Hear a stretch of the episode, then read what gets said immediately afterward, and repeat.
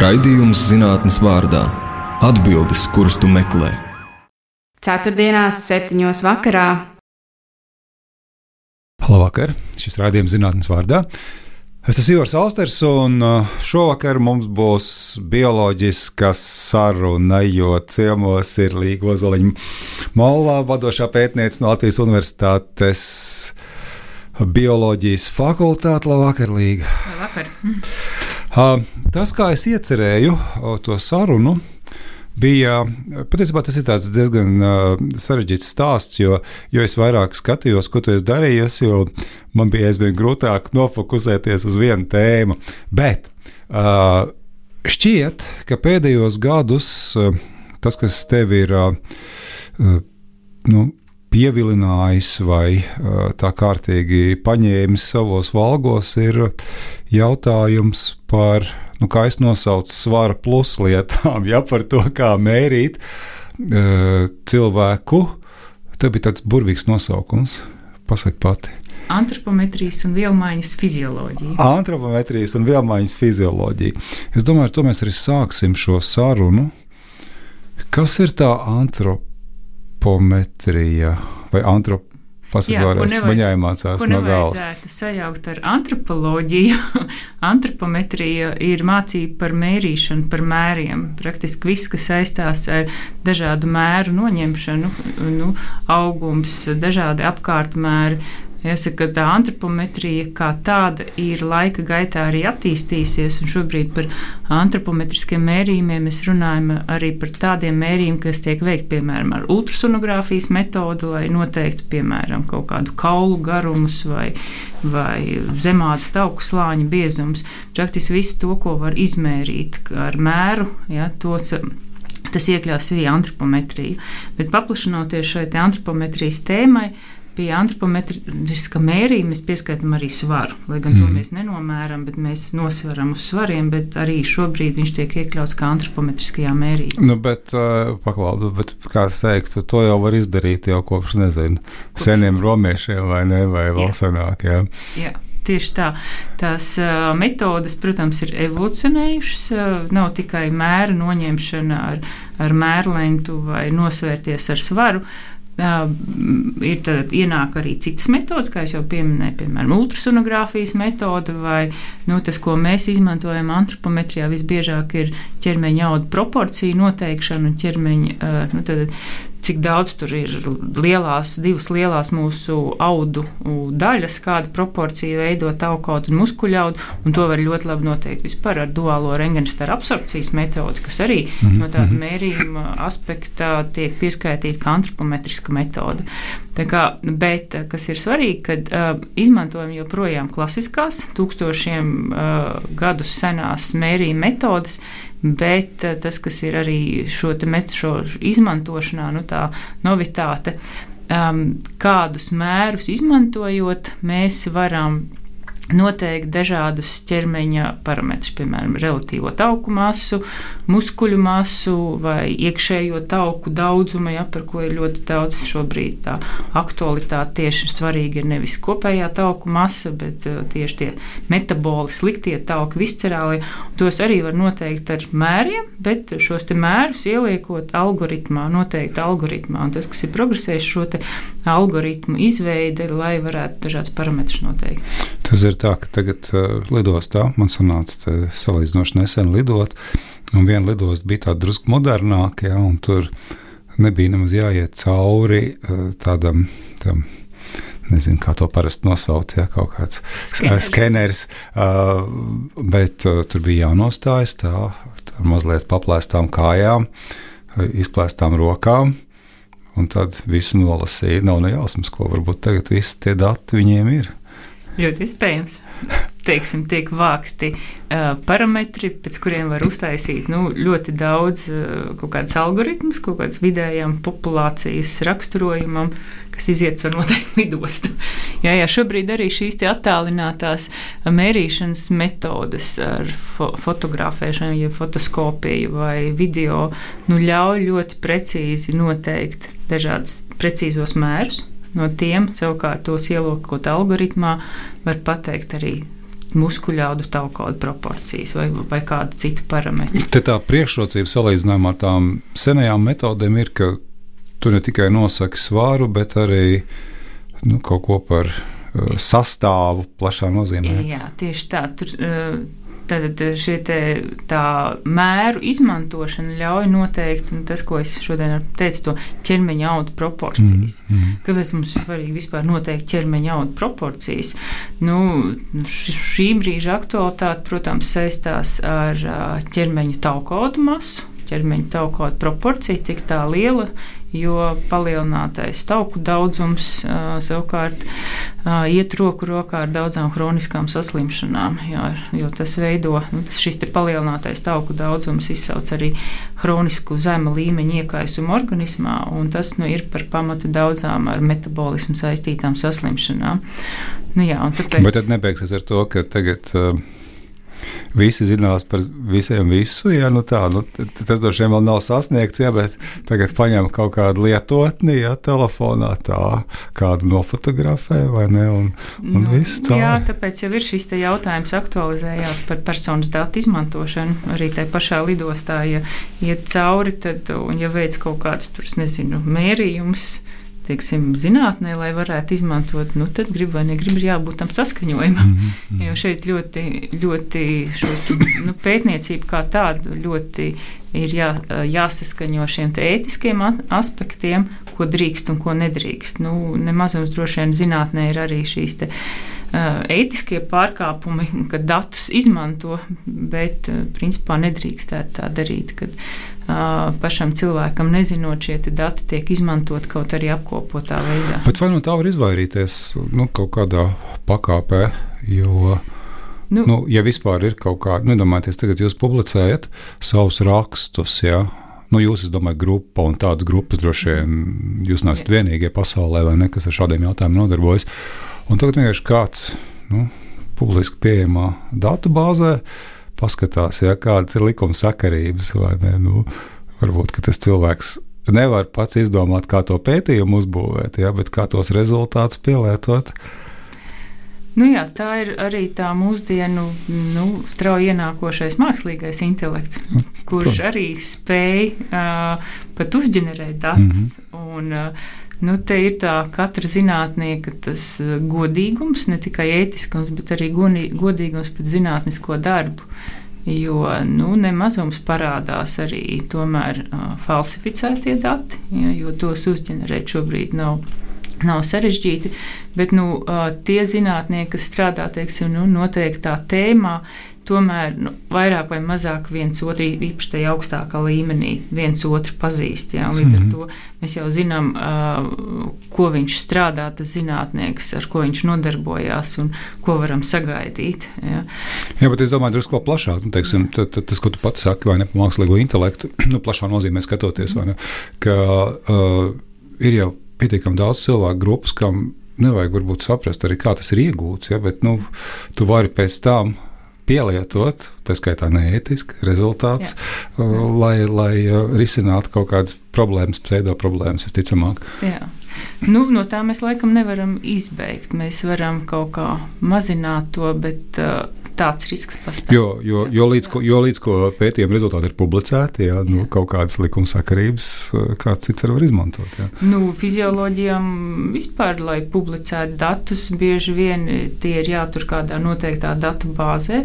Nu, ne jēl rezultāti, ne, nu, ne izē rezultāti, bet kaut kādi apstrādātie rezultāti, lai būtu šī pieejamība mm. un ticamība pārbaudē. Līdz ar to tā datu pieejamība kļūst vēl lielāka. mm -hmm. Uh, tas pats uh, vārds, ko tu minēji, uh, tā tad uh, antropometrija. Nu, Tu pateici, nejaukt ar antropoloģiju, bet man, man, man tā vien uzprasās uzdot kādu jautājumu šajā virzienā. Kā ir, teiksim, antropoloģiski skatoties, vai Latvijas populācija kaut kas īpašs šai ziņā raksturo, vai Kaut kas tāds arī ir zināms. Nu, es domāju, teiksim, kaut kādu. Tur šeit, ka vidējo svaru ziņā ir viena lieta, bet otra lieta man šeit ir ļoti interesanti, uh, kā tas svars ir sadalīts ķermenī. Uh, es, es atceros, ka bija pirms kāda laika uh, biologiem pētījumi par to, kā ir noteikti varbūtība saistīta. Uh, saslimt ar noteiktu slimību atkarībā no tā, kurā vietā tev ir tie ķermeņa tauki, vai ne? Un tas bija ar covid saistīts un tam līdzīgi, ja, ka dažās pasaules uh, daļās tā varbūtība bija mazāka, tāpēc ka uh, ķermeņa tauki bija noteiktās uh, vietās lokalizēti un tam līdzīgi. Uh, kā Latvija no šāda viedokļa izskatās? Jā, ja, ja tas īpašais par Latviju un antropometriju, tad mēs esam tad diezgan ievērojami Eiropas kontekstā garuma ziņā. Ja mēs populāciju pieaugušo ņemam kopā, man šķiet, mēs bijām otrā vietā Eiropā, aiz Nīderlandes. Sievietes, sievietes laikam bija pirmā vietā. Sievietes bija pirmā un vīrieši ir, manuprāt, ceturtajā mm, vietā. Bet vidēji, jā. Jā, tad, tad pēc šī te auguma garuma nemaz tā varbūt populācijā skatoties nešķiet, bet jā, mēs esam vadošajās vietās. Vismaz šai šai ziņā. Uh, attiecībā par taukaudu lokalizāciju. Tas šobrīd ir tāds diezgan nu, tāds topiks numur viens. Ja kādreiz tas klasiskais arī joprojām šobrīd, kas tiek izmantots šo kardiometabolo, jeb nu, metabolismu vairāk saistīto slimību prognozēšanai, ir ķermeņa masas indeks. Tad, tad ķermeņa masas indeksu. Droši vien klausītājas dāmas visas zina savu ķermeņa masas indeksu. Tas ir šī auguma, garuma un svara attiecība kas, kur augums ir ņemts kvadrātā. Bet šobrīd tas akcents ir vairs nevis nu, tā attiecība, nevis tas kopējais ķermeņa tauku daudzums, bet kā tie taukaudi ir lokalizēti. Mm. Vai tie ir vairāk lokalizēti zemādā, vai tie ir vairāk lokalizēti ap iekšējiem orgāniem, mēs sakam, viscerāli. Tieši, tas ir vēl sakot vēderā, citiem vārdiem sakot, jā, jā, vairāk vai mazāk. Vēderā, vēderā tieši ap vēd, nu, vēdera dziļumā, jo mums vēderā mm. ir tas zemāts tauku slānīts. Tas, tas tā kā alus dārā vēders, vai kā tā tas nav pareizi? Um, es vienkārši mēģinu jā, jā, jā, alus, tautas valodā pārvērst. Vēderiņš, nu, tur ir tā, ka tie vēdera tauki, viņi ir zemādā. Zemādā ir seklie un dziļie, un tad aiz tiem dziļajiem vēl ir iekšējie dziļie. Tie, kas ir vairāk lokalizēti tur piekšējiem orgāniem, piemēram, zarnas, zarnu mezentērijā, un tie ir vissliktākie, tie iekšējie dziļie taukaudi. Un, nu, ja mēs salīdzinām nu, Latvijas populāciju, nu, Eiropas kontekstā noteikti mēs nekādīgi tur ne, neizceļamies ar, ar šo taukaudu lokalizācijas īpatnībām. Uh, nu, vēl aha, vienā sakarā nesen skatījos uh, kāda mēs izskatāmies Eiropas kontekstā pēc aptaukošanās līmeņa, kas ir novērtēts pēc ķermeņa masas indeksa. Nu, tur gan tas skaitlis mēs esam atkal diezgan vadoši šai ziņā, jo vidēji 25% no mūsu pieaugušo populācijas uh, ir cilvēkam raksturīga aptaukošanās. Tas nozīmē ķermeņa masas indeks virs šiem 30, uh, 30 vērtībām kilogramu uz metru kvadrātā, kas ir tā mērvienība. Nu, tas ir diezgan augsts. Mums priekšā ir Malta vēl pēc tādiem mm. Eirostat datiem. Jā, bet, uh, tas ir uh, priekšā šajā gadījumā, ir priekšā, pēdiņās, jā, jā, no tā priekšā, kā saraksta beigdaļiem, nu, negatīvā nozīmē. Jā, jā. jā. Nu, jā, un uh, līdz ar to mēs nu, tā, tāda kopējā tauku masas ziņā mēs esam zināmā mērā negatīvā ziņā līderi, bet, lai novērtētu kā Eiropiešiem, nu, kā rasē šo īpatnības, mēs citādi neatšķiramies no mhm. Eiropas. Un paralēlā tēma ir vielmaiņa, ko tu minēji sākumā. Ko jūs tur darat, ko tu tur dari?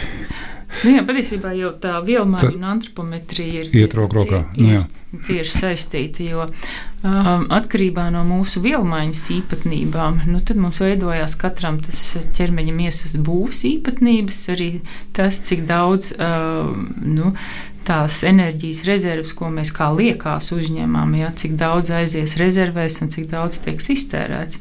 Jo mēs ļoti labi zinām, ka ir nu, cilvēki, ko mēs sakām, nu, caurburi. Viņš var ēst un ēst, un viņam tur nekas neaiziet tajās rezervēs. Bet ir cilvēki, kuriem atliek paskatīties uz kūkas gabalu, un tas jau nogulsnējās kaut kur zemādas taukos vai, vai dziļāk taukos.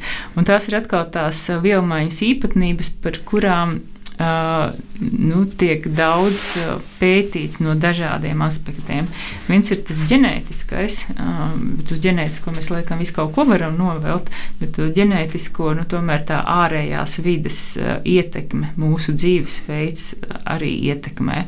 Jā, līdz ar to nu, šie faktori, uh, nu, es teikšu, tie ārējie faktori, tie ir tie, ko diezgan arī ar mums pieejamām metodēm, nevienmēr ģenētiskām un molekulārām, bet arī ar mums pieejamām metodēm, kā vielmaiņas mērījumiem, ko mēs veicam uh, mūsu katedrā pēc uh, gāzu maiņas parametriem. Ja, praktiski pēc patērētās kābekļa daudzuma mēs varam noteikt oh. gan, gan to, kāda ir vielmaiņas intensitāte gan kāds enerģētiskais substrāts tiek izmantots konkrēti miera vai slodzes apstākļos. Tas izklausās um, ezotēriski, enerģētiskais substrāts, vai jā. var palūgt tev? Jā, jā.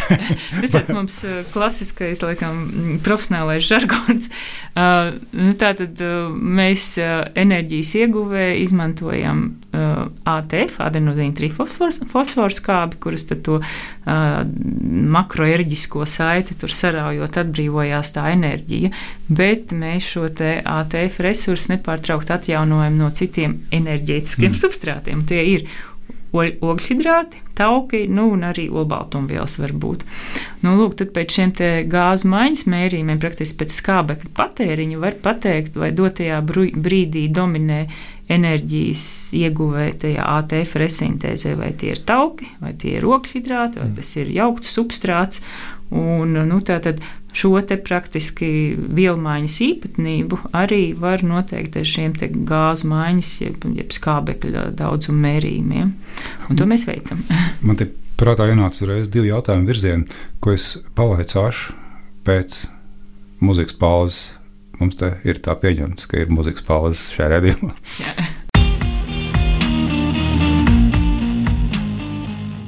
Vakar vēlreiz šis rādījums zinātnes vārdā - Sīvars Austers, un šovakar mums ciemos ir Latvijas uh, Universitātes uh, uh, bioloģijas fakultātes vadošā pētniece Līga Ozoliņa Molla. Mēs runājam par divām saistītām tēmām - par antropometriju, uh, kādā veidā mēs varam modernā veidā izmērīt uh, cilvēka ķermeņa dažādas parametrus un arī ar to saistīto tēmu vielmaiņu. Un uh, es teicu, ka man ienāca prātā divi jautājumu virzieni. Es varbūt viņus arī pavaicāšu, varbūt attīstīsim. Man šķiet, ka tur vajadzētu būt diezgan lielām paralēlēm ar nu, tādu evolūcionāro skatījumu. Ja? Nu, tu, tu, tu minēji, tas stāstīja, teiksim, kā Latvijā dzīvojoši cilvēki izskatās, nu, droši vien šajā gadījumā būtu pareizāk teikt, pat latvieši, kas, kas ir gadsimtiem dzīvojuši šeit, kā mēs atšķiramies vai esam līdzīgi citām Eiropas tautām. Un, nu, tad jautājums par piemērošanos, jā, par piemērotību, droši vien šeit ir uh, svarīgs. Vai par to arī kaut kādā veidā tiek skatīts. Es nezinu, ja, ja, ja, ja ne jūsu laboratorijā, tad uh, plašāk, jo nu, tā tam vajadzētu būt. Respektīvi, tā pielāgošanās, ja adaptācija. Jo tu minēji gēnus, nu, attiec, nu, man šķiet, ja mēs runājam par gēniem, nu, tad skaidrs, ka tur ir arī tā evolucionārā perspektīva, vai ne, grib, negrib. Jā. Uh, nu, noteikti, nu, tagad, kad aizskārt to tēmu, piemēram, par to auguma garumu, ja kā mēs esam mainījušies, piemēram, laika gaitā, uh, nu, tad jāsaka, nu, tieši konkrēti attiecībā uz to auguma garumu, tur ir tā akcelerācija. Un akcelerācija mums ir uh, tā laikmetīgā, jeb epohālā, ja, kas iet uh, laikmetam līdzi, un tad ir tā paudžu akcelerācija. Mm -hmm. Nu, tā paudžu akcelerācija, tas, kad ir bērni parasti ir augumā garāk nekā vecāki. ja, tad ir jautājums, ir, kāpēc. Nu, ļoti gariem vecākiem īsāk atkal vai ne? Uh, jā, jā. Nu, tur, protams, ir jāskatās tas, ka vecāku uz vecumu paliek īsāk un bērni tas grib vai negrib pāraugt. Bet arī, ja nu, ir sasniegts tas absolūtais garums, tad tomēr nu, lielā daļā mm. gadījumā ir šī paudžu akcelerācija, kad vecā, bērni pārauga vecākus. Un tad ir tā epohālā, ko mēs no, nu, laikmatīgā, ko mēs novērojam. Un šeit noteikti ir tā Nu, arī Latvijā tie daudzie uh, kara gadi, laiki, ja mēs skatāmies tad, tad, tad laiku, garāk cilvēki laiki. izdzīvoja. It kā jau, uh, it kā jau vismaz tautas gudrības saka, ka karā gara auguma cilvēkiem ir grūtāk izdzīvot. Uh, ne, es biju domājis, varbūt ne to pašu karu. Es lavar, laikam nepareizi izteicos, bet nu, tie laiki mums bija Zviedru laika, Poļu laika, daļa Latvijas pieder, bija zem poļiem, zem vāciešiem, zem krieviem. Tad šī te nu, šie dažādas varas, kas ir gājušas mums pāri, ir nesušas arī citas tautas un arī šo ģenētisko sajaukšanos. Un šeit es domāju šo gēnu, gēnu, uh, nu, gēnu sajaukšanās dēļ. Uh, ir veidojušās kombinācijas, kas ļāvuši mums palikt garākiem. Tas ir viens no šīs oh, tad, epohālās, mm, ja, no tās mm, epohālās. Uh, savukārt no, uh, no tās paudžu akcelerācijas uh, būtu jāpiemina uh, vēl tas viens aspekts arī, ko skāra saistībā ar to kariem. Uh, Te ir interesanti, ka tad, kad ir bijuši tiešām tie kara laiki, Pirmais pasaules kars, Otrais pasaules kars, tad ir uh, vērojama nevis akcelerācija, bet auguma samazināšanās. Ja, tad ir tieši tas pretējais. Un tas ir savukārt saistīts ar to pārtiks pieejamības no. samazināšanos. Jo praktiski kara laika bērni ļoti daudz ir uh, augumā mazāk, tāpēc ka tajā augšanas laikā nav bijis nu, pietiekama šī pār, pārtika, ja, kas ļauj augt garumā un masīvumā. Jā, nu jā, Tā apmēram. ah, nu jā, nu jā. Uh, un, un tas, tas otrs jautājums, kas man šķita saistīts ar to, ko tu stāsti par vielmaiņu. Nu, teicu, nu, tur ir, tur ir cilvēka caurbiras, un kas bija skalas otrā galā, kā to sauc. Jā, pa, paskatās uz kūciņu. Jau... jā, paskatās uz kūciņu, garāks, aprakstošs, tā jā, teikt, jā. Stāsts. Paskatās uz kūciņu un uzreiz. Kilograms nāk klāt. no, no, no 100 gramu kūciņas kilograms nāk klāt. Bet vai, tu minēji arī, ka tur ir tomēr arī nu, kaut kāda. Uzvedība tam pamatā, nu, ka tas nav tikai ģenētiski noteikts, vai ne? Jo droši vien, ka nu, parasti vidēji ņemts uh, cilvēks, kurš par to nav vairāk lasījis, vairāk interesējies, uh, teiks, ka nu, nu, tā jau ir. Nu, tā, nu, viņam tā ir paveicies, viņam tāda gēni vai, ne, vai viņai tāda iedzimtība. Un, un tā. Bet uh, pēc tā, ko tu stāsti, es saprotu, ka tā gluži nav. Nu jā, viens ir tā ģenētiskā puse, uh, kas dod, nu, kā nu kurš saka, 10 līdz 30%. Tas pārējais tomēr tie ārējās vidas faktori. Tikai 10 līdz 30%? Jā, jā tas kādi. Nu, dažādos, dažādos rakstos tur piemin mm. dažādas šos procentu daļu, bet uh, ļoti daudz tomēr ir tajā, tā mūsu uzvedība. Uh, uzvedība domājot gan par uztura uzņemšanas uzvedību, gan arī par fizisko aktivitāšu un dažādiem kaitīgiem kaitīgiem ietekmiem. Mm -hmm šiem ieradumiem, vai arī labvēlīgiem ieradumiem. Nu, pirmkārt, fiziskā aktivitāte. Mēs zinām, ka tā pati par sevi jau stimulē enerģijas patēriņu, ja, līdz ar to tur neļauj tik daudz nogulsnēties tām rezervēm. Otrkārt, arī tad, ja cilvēks ir fiziski aktīvs, viņa vielmaiņa ir ātrāka, jo tas, nu, tā fiziskā aktivitāte iekustina vēl laiku pēc labu laiku, atkarībā no tās fiziskās slodzes lieluma, labu laiku intensificē vielmaiņu. Otrkārt, šobrīd mēs ļoti daudz zinām par muskuļu sekretētajiem hormoniem, tā saucamiem miokīniem. Ja, kopš pagājušā gadsimta, kad tas bija vidus vai pat otra puse, kad atklāja nu, šos pirmos muskuļu hormonus, citokīni, jeb miokīni. Nu, tur tās zināšanas ir milzīgi augušas, un te, šie te, nu, sekretētās muskuļu signālvielas milzīgi ietekmē, dod šo ietekmi uz vielmaiņu. Līdz ar to tas slodzes fiziskās aktivitātes efekts ir ne tikai enerģijas tērēšana, bet arī šī vielmaiņas regulācija, kontrole. Nu, tas pats attiecās uz otru lielo audu masu taukaudiem. Ja? Taukaudi arī ir endokrīni aktīvi, met ārā visi sādus hormonus, kas ietekmē gan apetītes veidošanos, gan, gan arī. Jo vairāk ēd, jo vairāk gribās. Um, jā, patiesībā tur, tur vajadzētu būt otrādi, jo tas pirmais taukaudu hormons, ko atklāja pagājušā gadsimta 50. gados, bija leptīns.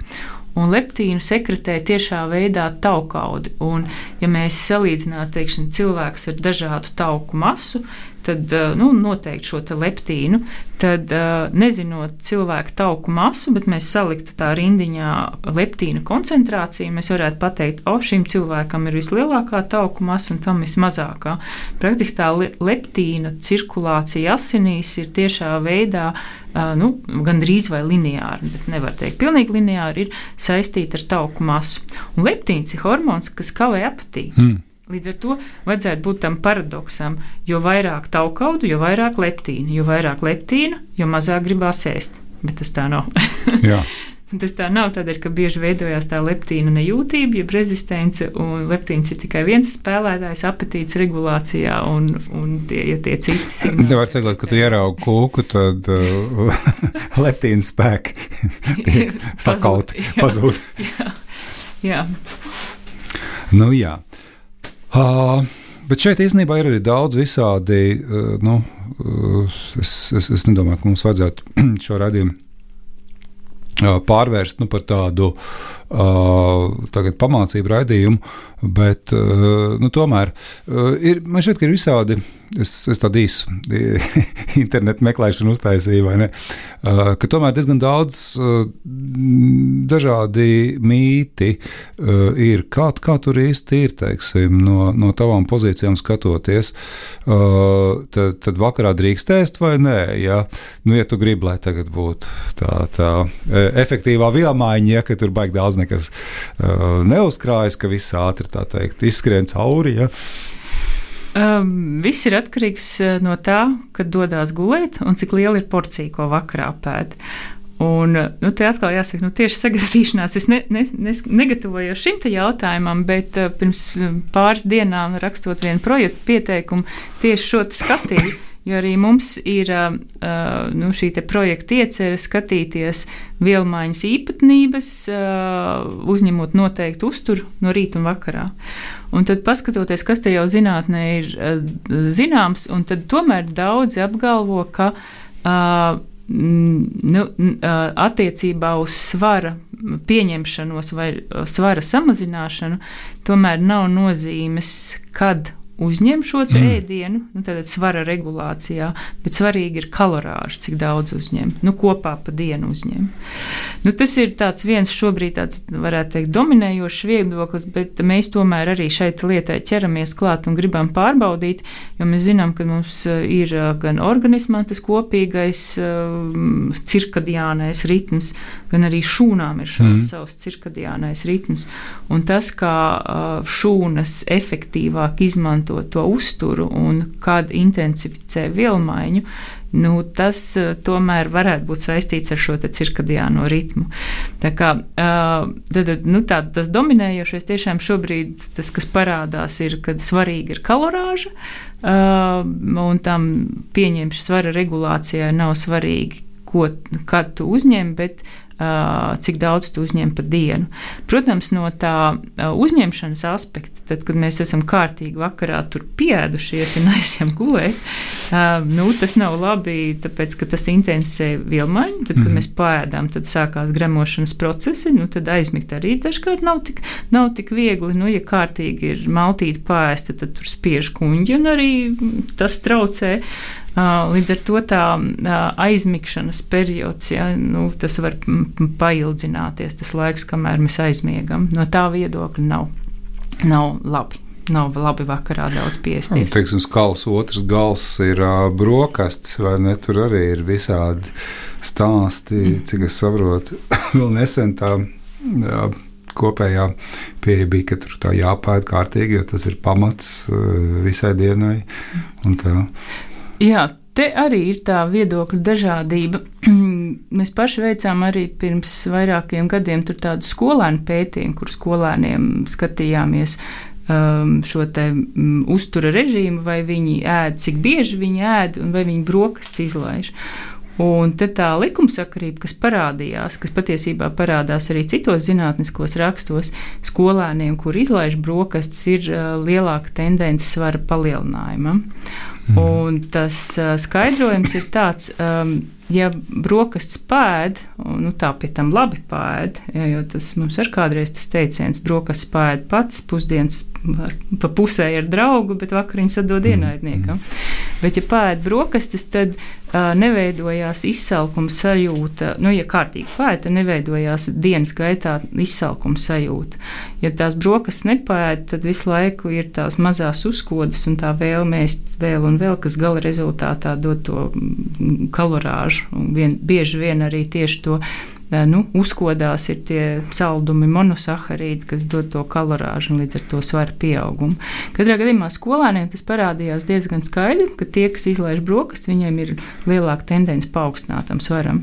Pieaugušais varbūt to vēl kaut kā kontrolē, jo es zinu, ka daudzi pieaugušie dāmas nu, nē, brokastis svaru, lai tā teikt regulācijas nodo, nolūkos, bet tas ir tāda varbūt vairāk apzināta kontrole. Jā. Uh, nu jā, bet man tagad gribās arī uh, pavaicāt, uh, kā tu vispār sāki šādu veidu pētījumus, bet uh, varbūt uh, šo tēmu atliksim pēc vēl vienas muzikas klausīšanās. Šis raidījums zinātnīs vārdā. Mums ciemos šovakar ir Līga Ozoliņa Mola, Latvijas Universitātes bioloģijas fakultātes vadošā pētniece. Es esmu Ivars Austers. Mēs sarunājamies visu līdzinējo raidījumu par to, kā var cilvēku ķermeniskā nozīmē mērīt ar dažādām modernām metodēm un par saistītu tēmu par vielmaiņu. Un man gribot, negribot, jāpavaicā arī Kā tu līdzi nonāci līdz šai pētījuma tēmai? Jo nu, pirms rādījuma es paskatījos, tev ir nu, bijušas arī dažādas citas uh, interesantas tēmas, ja nu, teiksim, viena tāda plašāka, kas droši vien prasīja daudz gadu ieguldījumu Latvijas Nacionālajā parka un rezerv rezervātā. Ja, grāmata tāda tev, tev ir bijusi, un tev ir uh, bijuši pētījumi par gliemežiem. Varbūt mēs varam arī šīs tēmas drusku apsvērt, aprunāt. Kā bija tiem nacionālajiem parkiem? Jo tā man šķiet tāda ritīgi tautiska tēma, nu šī vārda visla, vislabākā nozīmē. Um, Kā? Nu jā, tā ir tā, tā, kā mēs biologi mēdzam teikt, tā zaļās bioloģijas joma, kas patiesībā man vienmēr ir bijis ļoti tuvu. Nu, kā jau, man liekas, jebkuram biologam purvs, mežs. Kas vēl labāk, vai ne? jā. Un, Kur citur tās ērtas atradīs? Nu, jā, tas nu, brīnišķīgās biologu zaļās prakses, kas lielāko daļu aizrauja, dažas arī varbūt aizbiedē. Jā, bet uh, tā zaļā tēma vienmēr ir bijusi man ļoti tuva, bet uh, uh, līdz tiem nacionāliem parkiem es nonācu patiesībā saistībā ar apgādes zvaigzni. Apgādā zvaigzni pavisam agrā jaunībā es nodarbojos ar tulkošanas darbiem. Mm. Un, uh, jā, un uh, tā kā es biju biologs un bioloģisko literatūru tulkoju, un patiesībā tie pirmie tulkojumi bija tieši bērnu literatūrā, jo tas sakrita laiks, kad uh, man pašai piedzima divi bērni, un tad man likās ļoti interesanti arī augt kopā ar bērniem un tulkot, un ņemot vērā to, ka Uh, es tulkoju, un tajā laikā es arī uh, savu zinātnes vai, vai amata sānsoļus veicu, piestrādāju par gidu ķemeru Nacionālajā parkā. Uh, un tā daudz, principā, staigāja arī par, ne tikai par ķemeru, bet ar citiem nacionālajiem parkiem. Un tad man uh, tika radīts, tika dots šis piedāvājums, jo um, uh, apgādes zvaigzne sāka laist klajā šo grāmatu sēriju Latvijas mazā enciklopēdija. Mm. Pirmā grāmata jau bija iznāk, iznākusi par augiem, un tad uh, tika piedāvājums taisīt šo otro grāmatu par nacionālajiem parkiem. Uh, Tas bija patiesībā ļoti liels izaicinājums darīt vai nedarīt, jo tur nu, tā pieredze grāmatas veidošanā nebija galīgi nekāda. Tulkošanā bija un zināmā mērā rakstīšanā, jo nebija nepieciešams arī fotografijas. Bet tā kā es aprunājos ar savu vīru, kurš ļoti labprāt fotografēja dabas fotografijas, tad kaut kā mēs šo izaicinājumu pieņēmām.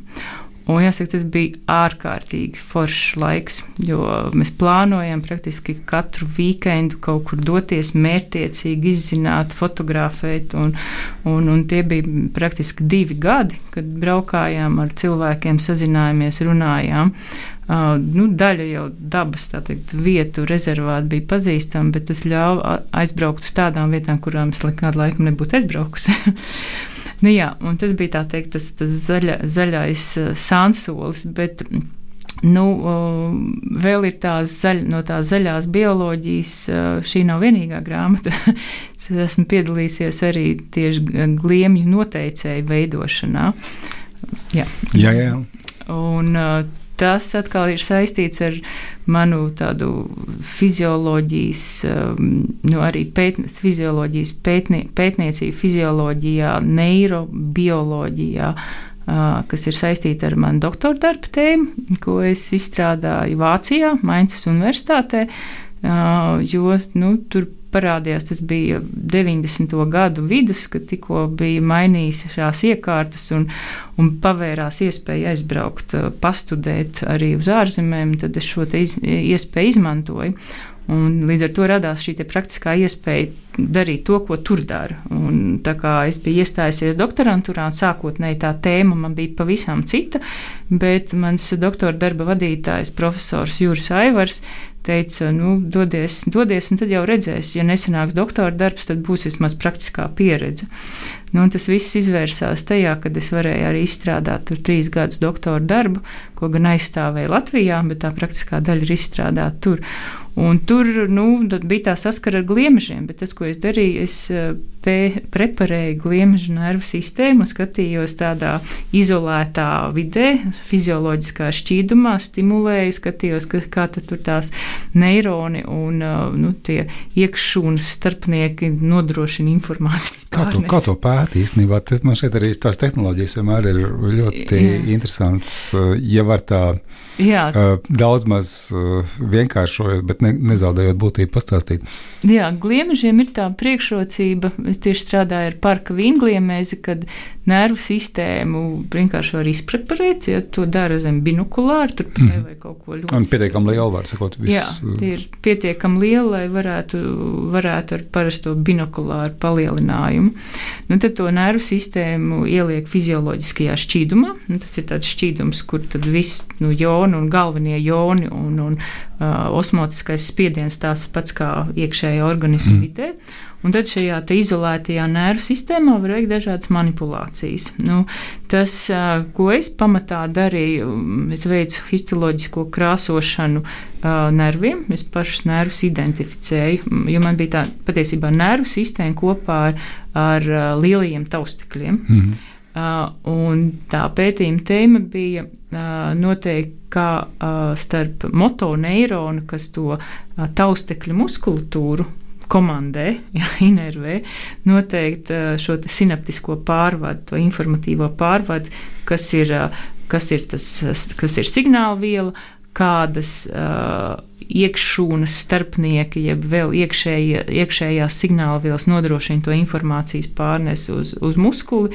Un tad sanāk nu, tādi pētījumi, kad tur pilina iekšā uh, uz tā, uz tā muskuļa un skatās, vai mm. dod atbildi vai nē, tad bloķē ar dažādām citādām vielām. Patiesībā tie ir makroskopiskie pētījumi. Bija arī mikroskopiski, kur šo nervu sistēmu ir iespējams izolēt un stimulēt atsevišķus neironus elektriski un pierakstīt šo atsevišķo neironu elektrisko aktivitāti. Nu, tas bija tāds vislielākais izaicinājums. Šobrīd tas vairs nav laikam nu, nekas neparasts, tur, kur tādas iespējas ir, bet tajā laikā, kad nu, atsevišķi neironi iebakstīt to mm. mikroelektrodu un no viņa dabūt arī pierakstītu signālu, tas bija super. Kā to dara mūzikā palielinājumā? Ja? Tad... Uh, to, gan, jā, to gan dara. Uh, mikrosko, te vairs nav binokulārs, bet te ir mikroskops. Un patiesībā, nu, tajā laikā, kad es strādāju, tas nebija nekāds elektronu mikroskops, bet notiek tā elektroda bakstīšana, tā kā taustīšanās, vai trāpīts vai nav trāpīts neironā. Un, ja nav trāpījis, tad tur nebūs signāla, bet, ja tu trāpi neironā, tad parādās tas signāls. Man pat uh, atsevišķu, nu, atsevišķu ļoti precīzi saskatām neironu nebija vajadzīgs. Tur vairāk uz to taustas gāja. bet vispār mēs esam līdzīgi gliemžiem. Tas ir kādā pakāpē mēs esam līdzīgi. Mm. Jā, gliemežiem arī ir galvas ganglī, mums ir galvas smadzenes. kas ir visvienkāršākais no tādiem psihiskiem funkcijām, kas ir visiem dzīvniekiem, kam ir nervu sistēma, ir atmiņa. Glimžiem arī ir atmiņa. Ja, tieši uh, pamatojoties uz atmiņu, tad viņi tu kustina savus taustekļus un veido to orientāciju, kurā virzienā viņi ir. Tas ir, ja viņi vienreiz atcerās kaut kādu Jā. taku, tad uh, pēc tam nav otrais tas nejaušības rezultātā jāiet tas ceļš, kaut, lai kaut kur nonāktu, bet mm, ielāgoja. Jā, bet patiesībā viņi neatcerās taku, jo glimžiem tas, tas nozīmīgākā no maņa ir ožām. Mm. Ož spoža. Un līdz ar to, ja viņi ir kaut ko pagaršojuši, jo garšojot, viņš arī sauž, tāpat kā mēs, un ja uh, viņš ir sagaršojis un sau, saudis, tad viņš atcerās šo odorantu, nu, to, to, kas dod šo ožu sajūtu. Un tad ar mētiecīgām taustekļu kustībām viņš nosaka, kur ir virziens un dodas virzienā, kur ir šī atpazīstamā, atpazīstamais aromāts. Bet tad, tad nebūs tā, ka teiksim, pavasarī ir viena taka un, un Jā. rudenī otra taka. Jā, vai, vai arī viņš nu, nezin, galīgi apmalst tajā. Jā, grūtāk droši vien ir tad, ja tā um, odoranta koncentrācija ir kaut kāda ļoti zema, ko viņš nevar atpazīt. Ja, tad, tad meklē droši vien kaut ko citu, ja, vai tad ir iespējams dezorganizācija, jā, dezorientācija iespējams. Bet droši vien, ka gliemzim jau tā smarža nav tā, kā mēs saprotam, jā, nu, ka teiksim, drustvers daļa, nu, ka mēs nosaucam vārdā vai, jā, nu, jā, vismaz protams. asociācijas kaut kāds veidojums. Jā, jā, protams, ka tur ir viņiem arī ožas epitēlijas, bet uh, kādas kvalitātes atpazīst, mēs varam tikai nojaust un tā uztver, bet viņš dod to atpazīstamo signālu. Ja viņš ir sagaršojis un saodis, ka tas ir garšīgs un ēdams, tad viņam veidojās šie sinapsis fiziskie kontakti, un viņš veido tās atmiņas, nu, informācijas atcerēšanos, not, noturās. Bet ir arī kaut kas, kas viņam labāk patīk, nu, kas viņa tā, Jā. teiksim, ja, ja tagad man vajag sasaukt visus zirnekļus, nu, atvaino, gliemešus no dārza, tad es kaut kā, nezinu, nolieku kaut ko, un tad viss sanāk priecīgi, kas Jā, būs. Tā tas ir. Līdz ar šiem pētījumiem mūsu pētījuma grupā bija arī tie etoloģiskie pētījumi, kur tad deva gliemzim tās izvēles. Ja, ja, nu, viņš, viņš tātad, mēs lasījām dabā, salasījām mm. dabā, ieliek tur noteiktā vivārijā, un tad uh, mēģina piedāvāt viņam mēdienām tādu, tādu kaut ko tādu cerībā, ko viņš vēl nav garšojis dabā, un tad dot tās izvēles. Un tā viņu, tā teikt, izstrādā nosacījuma refleksu. Sākumā var redzēt, kad viņš iet tur meklē vienu, meklē otru, bet tad, kad viņu ir, viņš ir likts tajā pētījuma laukā, atvērtajā laukā, un uh, iepazinies jau ar savu ēdienu, viņš izvēlās pēc noteikta principa, nu, acīm redzot, garšīgāko, bet viņš mm -hmm. tiešām izvēlās mētiecīgi. Ja piedāvā pirmo reizi, tad tā, to kustību, ko reģistrē, viņa ir ļoti meklējoša, haotiska, bet tad, kad viņš jau ir vienreiz nogaršojis vienu un otru, viņš mētiecīgi izvēlās vienu. Bet kaut kas, kas atbaida, Nezinu, varbūt. Aha, mums būtu tas saistībā ar dārza dārz kaitēkļiem. No nu, kā tāda? Praktiskā dimensija. Jā. Uh, Patiesībā es nezināšu, nevarēšu pateikt, jo uh, es savā dārzā kliemešus neatbaidu. Es viņus mm. vienkārši salasu. uh, Pētniecībai. Bet, jā, mazāk. bet uh, Te es nevarēšu pat nokomentēt, kas ir tas, kas viņu varētu atbaidīt. Nu, Ciem redzot, jau ir arī tās indes vielas, kas ir ne tikai, uh, ne tikai uh, cilvēkam, ja, kas ir rūktvielas, mums ir parasti kā nu, dabīgi veidojušās, ja daudzas indīgās vielas ir tieši rūkts, un ko mēs ļoti mazā koncentrācijā atpazīstam. Uh, bet gliemezim, um, nu, acīm redzot, es domāju, ka vajadzētu būt šim aizsargu mehānismam, kas arī atbaida mm -hmm. noteiktas vielas, mhm. in, indas vielas dabā sastopamās. Tas, ko šie dārza, dārza, dārzā mēs liekam, varbūt nav dabīgās, bet dabā noteikti ir, kas atbaida un viņš atpazīst. Bet ir, kā, kāda nozīme tai mājiņai ir? Vienkārši, vai Dažiem ir, dažiem nav. Uh, tur ir paslēgti visi iekšējie orgāni, tiem, kam ir. Mājā var arī paslēpties. Un savukārt tiem, kuriem nav, patiesībā ir reducētā čaula. Viņiem mm. tur ir kādreiz ir bijusi, bet viņai šī čaula ir reducējusies. Nu, tad tur tie visi iekšēji orgāni pār, pārbīdās uz to, pēr, nu, to ķermeņa daļu, ko mēs redzam kā garu pēdu. Bet šitai tai invazīvai sugai, tiem Spānijas kāgliem, šiem tiem nav mājiņas. Tiem nav mājiņas, jā, bet tiem arī ir reducētā. Nu, tā kā no evolūcijas viedokļa skatoties, viņi ir. Tad viņiem ir vieglāk, viņi var ātrāk skriet uz priekšu un tā pārņemt. Uh, viņi nevar tik labi paslēpties. jo, ja ir māja, tad vienmēr var paslēpties drošībā nu, no kāda, kurš varbūt ejot uzmin, nepaslēpsies, bet no tādiem vietējiem kaitēkļiem vai, vai plēsējiem, kas te varētu, tad tomēr var labāk paslēpties. Bet laikam šiem lielajiem kailgliemežiem nav īsti tādi dabīgi ienaidnieki. Mm -hmm. Viņi laikam ir pārāk negaršīgi. Bet tur, tur, tur nebija kaut kāds pīls vai kas, kas viņu sēž. Jā, pīls laikam ir vienīgās, kas, kas vēl kaut ko no gliemežiem ēd. Kas, kas nav izlapušas. Jā, jā, bet tad kuram mums dārzā ir pīls? nu, jāsāk ieviest. jā. jā uh, Es, es domāju, mēs arī šajā vietā to sarunu varam beigt. Es, es teikšu paldies Līgai Ozoliņai Molai eh, no Latvijas Universitātes bioloģijas fakultātes vadošai pētniecei. Eh, mēs runājam par tādu eh, diezgan plašu bioloģisku tvērumu, jo, par to, kā mm, tiek atklātas jaunas metodas, kā izmērīt antropometriski cilvēka uzbūvi, par, par, par vielmaiņu, un beigās atgriezāmies, uztaisījām tādu nu, vēsturisku loku, ne, ar ko Līga ir sākusi savu pētniecisku karjeru ar gliemežiem. Man šķiet, ka visas tēmas bija ļoti interesantas. Teikšu paldies, tev, Līga, ka tu atradi laiku un atnāci. Bija prieks viesoties. Tad viss labi, jā, šis bija raidījums zinātnes vārdā. Es esmu Ivars Austers un tiekamies pēc divām nedēļām atkal. Visu labu. Raidījums zinātnes vārdā - atbildes, kuras tu meklē. Ceturtdienās, septiņos vakarā